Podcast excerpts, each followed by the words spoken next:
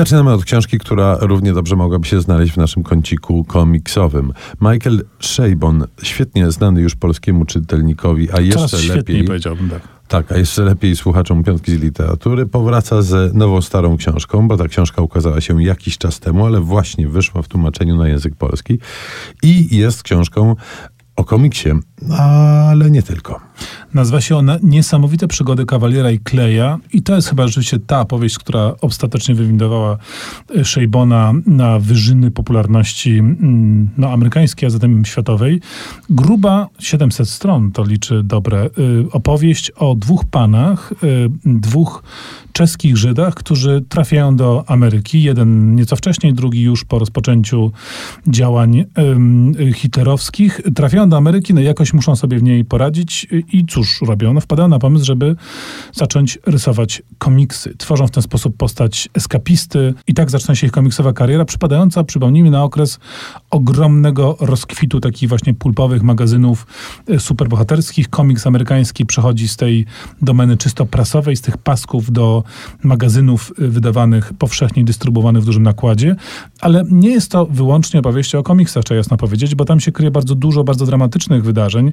To pierwsza ucieczka e, z Pragi jest też powiązana z wywiezieniem z tejże Golema. Sam Golem pojawia się w tej historii e, na początku i na końcu również.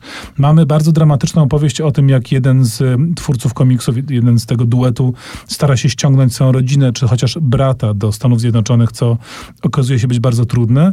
I potem e, śledzimy no, trudne e, losy związku miłosnego tegoż właśnie naszego rysownika. Czyli to jest opowieść z komiksami w tle i o komiksach w znacznej mierze, ale jednak taka pełnowymiarowa, pełnogębna historia o ludzkich namiętnościach, rozterkach, y, dylematach, napisana w taki lekko ironicznawy, powiedziałbym, sposób. Duża to jest przyjemność.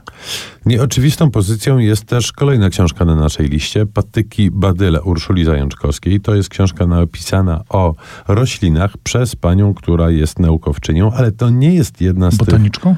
Botaniczką. tak. Ale to nie jest jedna z tych popularno-naukowych papek, które próbują nam wytłumaczyć, że zwierzęta są cacy, a ludzie są B, tylko rzeczywiście... A, a, drzewka myślą i czują. Tak, to nie, to nie. Jak najdalej właśnie od tych pozycji. To jest zupełnie osobna książka, napisana z przynajmniej dwóch perspektyw. To znaczy rzeczywiście jest naukowczyni, która rośliny bada i o tych badaniach tu opowiada, ale z drugiej strony jest autorka obdarzona dość konkretnymi ambicjami literackimi, które w- między innymi ten sposób realizuje. I teraz tak, mieszają się tu absolutnie arcyciekawe, szczególnie dla laików, opowieści z laboratorium i z pracy badawczej, z takimi obserwacjami, do których przyzwyczaił nas chociażby Michał e, Cichy czy e, Robert Pucek. Autorka mieszka w Wołominie i obserwuje przyrodę tamże. To jest zawsze urocze, jak można się poprzyglądać życiu dzikiemu w e, miejscach, które są nie dzikie. Robi to duże Wołomin się nie wrażenie. rzeczywiście bardzo z takim Nie ma przyrodniczym, tam prawda? ani Jakimś- bizonów, ani innych żubrów, natomiast roślin e, bardzo dużo, w tym na przykład uporczywie przycinany jesion e, wyniosły.